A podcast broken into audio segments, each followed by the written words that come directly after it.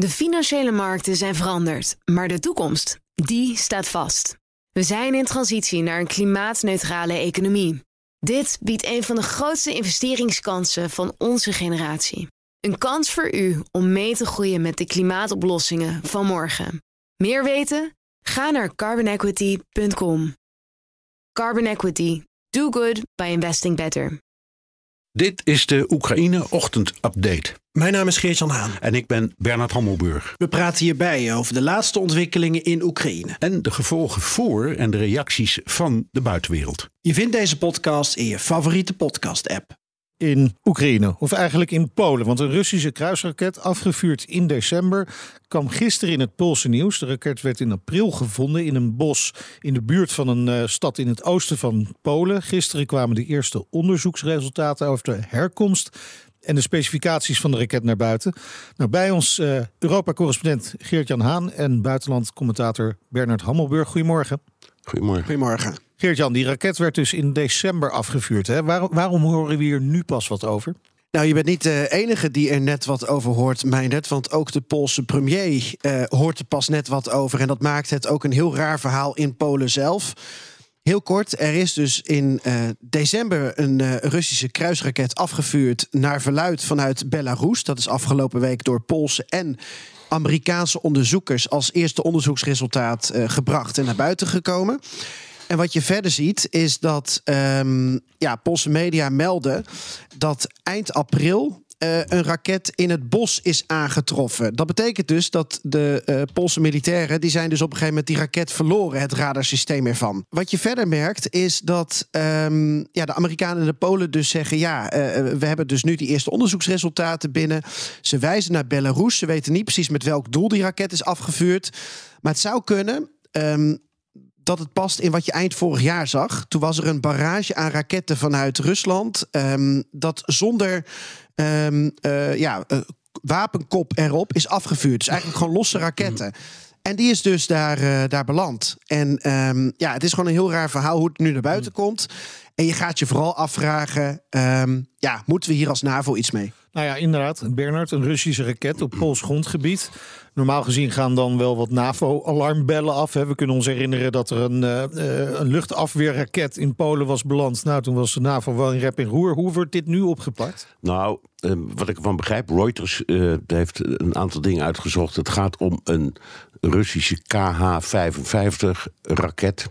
En die komt nog uit de Sovjet-tijd. Het kenmerk van een kruisraket is dat hij een soort GPS-systeem heeft. Waardoor hij tamelijk precies naar zijn doel gaat. Maar dit is zo'n oude generatie. dat dat misschien niet goed of niet uh, uh, volledig heeft gewerkt. Dus het ding is um, wat je noemt een blindganger, denk ik. Um, Reuters zegt ook, hij is inderdaad afgeschoten van af Wit-Russisch grondgebied, maar wel door een uh, Russische bommenwerper of een uh, gevechtsvliegtuig. Dus dat maakt het ook een beetje ingewikkeld. Ik, ik denk dat het inderdaad gaat om een, uh, een blindganger die verder geen schade heeft aangericht. En ja, bij wijze van spreken per ongeluk daar terecht ja. is gekomen. maar het is wel een idioot verhaal natuurlijk. En als, als, als, als hij dit ding een lading had gehad die was ontploft. Ja, dan was het een aanval geweest van een, Russische, van een Russisch toestel op uh, NAVO-grondgebied. Ja. Dus het was nog heel ingewikkeld geworden. Nou, gelukkig uh, valt het, uh, lijkt het erg mee te vallen. Laten we kijken naar de situatie op de grond in Oekraïne. Eerst even de Wagner-groep hè, over Bakhmut. De, de, leider van de Wagner-groep die verscheen de afgelopen dagen een paar keer op sociale media. Dreigde dat hij zijn troepen terug zou trekken. En hij stelde dat de Russische troepen zich ook terugtrekken. Uh, Bernard, de Amerikanen die beweren nu iets anders, hè? Ja, die beweren dat uh, deze acteur een, uh, een, een, soort spelletje speelt. En dat zou ook best kunnen, want het, het, is af en toe bij het krankzinnige af... de manier waarop hij als een soort bootwerker tekeer gaat tegen Poetin en het Kremlin. ze laten hem stikken en ze worden in de pan gehakt. Ze hebben geen munitie, gaan ze maar door. En dan daarna zegt hij, nou nee, het valt toch wel weer mee. Er is klaarblijkelijk munitie onderweg. De Amerikanen zeggen, het is allemaal een beetje een spelletje... Um, hij, uh, uh, het, het, gaat helemaal niet slecht met die Wagnergroep in uh, bijvoorbeeld Bakhmut. En ze hebben zat ammunitie. Dus die, de Amerikanen spreken dit verhaal compleet tegen. Ja. Geert-Jan, hoe staat het Kremlin hierin? Want zijn ze die Wagnergroep niet zo langzamerhand een beetje zat? Of kunnen ze niet zonder Wagner? Oeh, dat kan, uh, het antwoord kan ja zijn op beide vragen, Meinder. Ja. Waarbij uh, ik me aansluit bij wat Bernard zegt. Um, uh, dat we hier waarschijnlijk al wekenlang ook naar een soort toneelstuk zitten te kijken. Wat wij natuurlijk niet helemaal weten, maar als amateur kremlinologen uh, zouden kunnen duiden, is um, ja, wat voor machtsstrijd zich daar afspeelt. Um, je hebt aan de ene kant heb je minister van Defensie Shoigu en je hebt uh, Gerasimov. Die zijn loyaal al Putin, aan Poetin. Dat zijn ze al jaren. Aan de andere kant heb je uh, Prigozhin en bijvoorbeeld Kadirov, hè, die nu al die privélegers als het ware aansturen. Die zitten in het openbaar vooral mot te maken met Shoigu en Gerasimov. Misschien zijn ze ook wel aan het warmlopen voor weet ik veel welk scenario in de mhm. toekomst. En dan heb je meneer Suroviki nog dat weet je misschien nog, die werd op een gegeven moment uh, geïnstalleerd om uh, met name de Russische defensie op orde te brengen vorig jaar. Um, daarna kwam Gerasimov weer boven hem te staan. Het is even veel name dropping, maar ik hoop dat je het nog uh, kan volgen. En ehm, meneer Gerasimov, of meneer Surovikin, dat is ook een goede vriend van Prigozhin. En die, die is eigenlijk nu een soort oliemannetje tussen het ministerie van Defensie en tussen die privélegers zoals um, Prigozhin. Dat die Prigozhin nu in het openbaar uh, elke dag een filmpje plaatst en um, ja, hel en verdoemenis over alles en iedereen uh, afroept. Ja, dat is ook gewoon een, een, een, manier om aandacht te vragen. En of dat nou echt um, zo aan de dijk zet, dat, um, ja, dat, dat is wel even de vraag. Ja. Hey, Geert-Jan, als we even kijken naar de strijd op de grond, in elk geval rondom Bagmoed, dan lezen we vanochtend dat uh, Oekraïne beweert een groot deel van de Russische troepen bij Bagmoed te hebben uitgeschakeld. In elk geval dat die zich een aantal kilometer terug zouden hebben getrokken. Ja, een groot deel is een groot woord. Uh, het gaat om een aantal vierkante kilometers. Dat, dat kan op een dag wel significant zijn, maar in het totaalplaatje lijkt het me niet significant.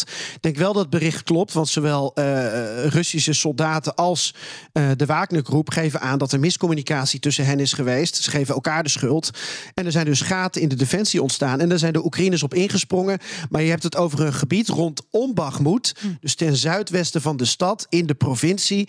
En dat kan met name interessant zijn voor het logistieke deel dus uh, de Russen kunnen niet verder oprukken nu, kunnen niet een bepaald kanaal over bijvoorbeeld. Oekraïners hebben weer toegang tot een, eh, een, een, eh, een weg, wat weer handig is voor de logistiek. Dus je, je moet het op die schaal zien. En het is natuurlijk een enorme PR-stunt, want ja, ze pakken weer wat af van de Russen. Laten we dan even wat, wat verder vooruit kijken. Uh, dat doet de NAVO ook. Hè. Gisteren kwam het militair comité van de NAVO bij in Brussel. Rob Bauer is de voorzitter daarvan heeft een, voorspelling gedaan of een scenario gemaakt over hoe de oorlog verder gaat verlopen. Geert-Jan, wat, wat, wat kunnen we daaruit uh, leren?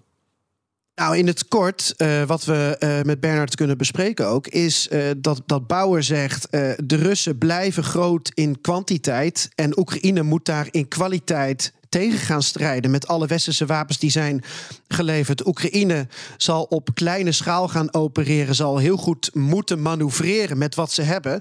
Terwijl de Russen eigenlijk gewoon alles kunnen blijven inzetten wat ze hebben, wat misschien kwalitatief minder is, maar het is wel meer. Ja, Bernard, uh, hoe kijk jij daar tegenaan? Want als ik historisch even kijk, was ook het Duitse leger kwalitatief beter dan het Russische leger, maar heeft toch het Duitse leger verloren? Ja, we komen altijd met het voorbeeld van Stalingrad, hè, waar eigenlijk zo eenzelfde situatie uh, was. Er zijn onvoorstelbaar veel uh, mensen omgekomen, vooral Russen. En ja, daar heb je verhalen over vijf soldaten die uh, één geweer deelden. Ja. Um, en niettemin uiteindelijk hebben gewonnen. Nou is dat uiteindelijk beslist door scherpschutters hoor. En veel minder door uh, nou ja, zeggen, grote massa soldaten. Maar toch, hier zie je um, eigenlijk een vergelijkbaar verhaal. Uh, het, het, beeld is, uh, en dat stond van de week ook een, een redelijk onthullend stuk over in de New York Times. De, de Russen kunnen nog, als het moet, nog miljoenen mannen inzetten. Uh, die zijn allemaal ongetraind en niet goed, maar dat maakt niet uit. Want als ze uh, worden uitgeschakeld, komen er gewoon weer anderen. Hetzelfde geldt voor wapens. Ze hebben nog enorme voorraden vanuit de vroege Sovjet-tijd. Die worden ook ingezet en gebruikt. Ja, die zijn niet erg goed. Maar als je er zoveel hebt, is het wel echt wel heel belangrijk.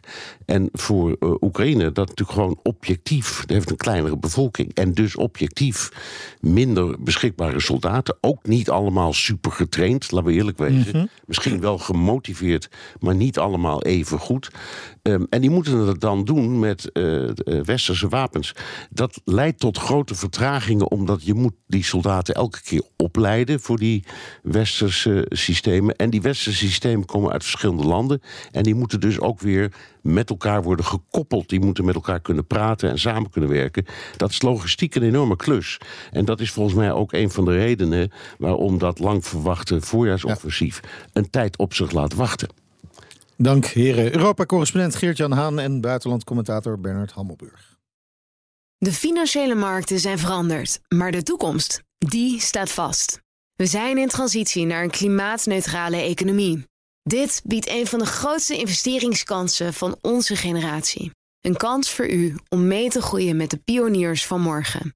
Meer weten? Ga naar carbonequity.com. Carbon Equity. Do good by investing better.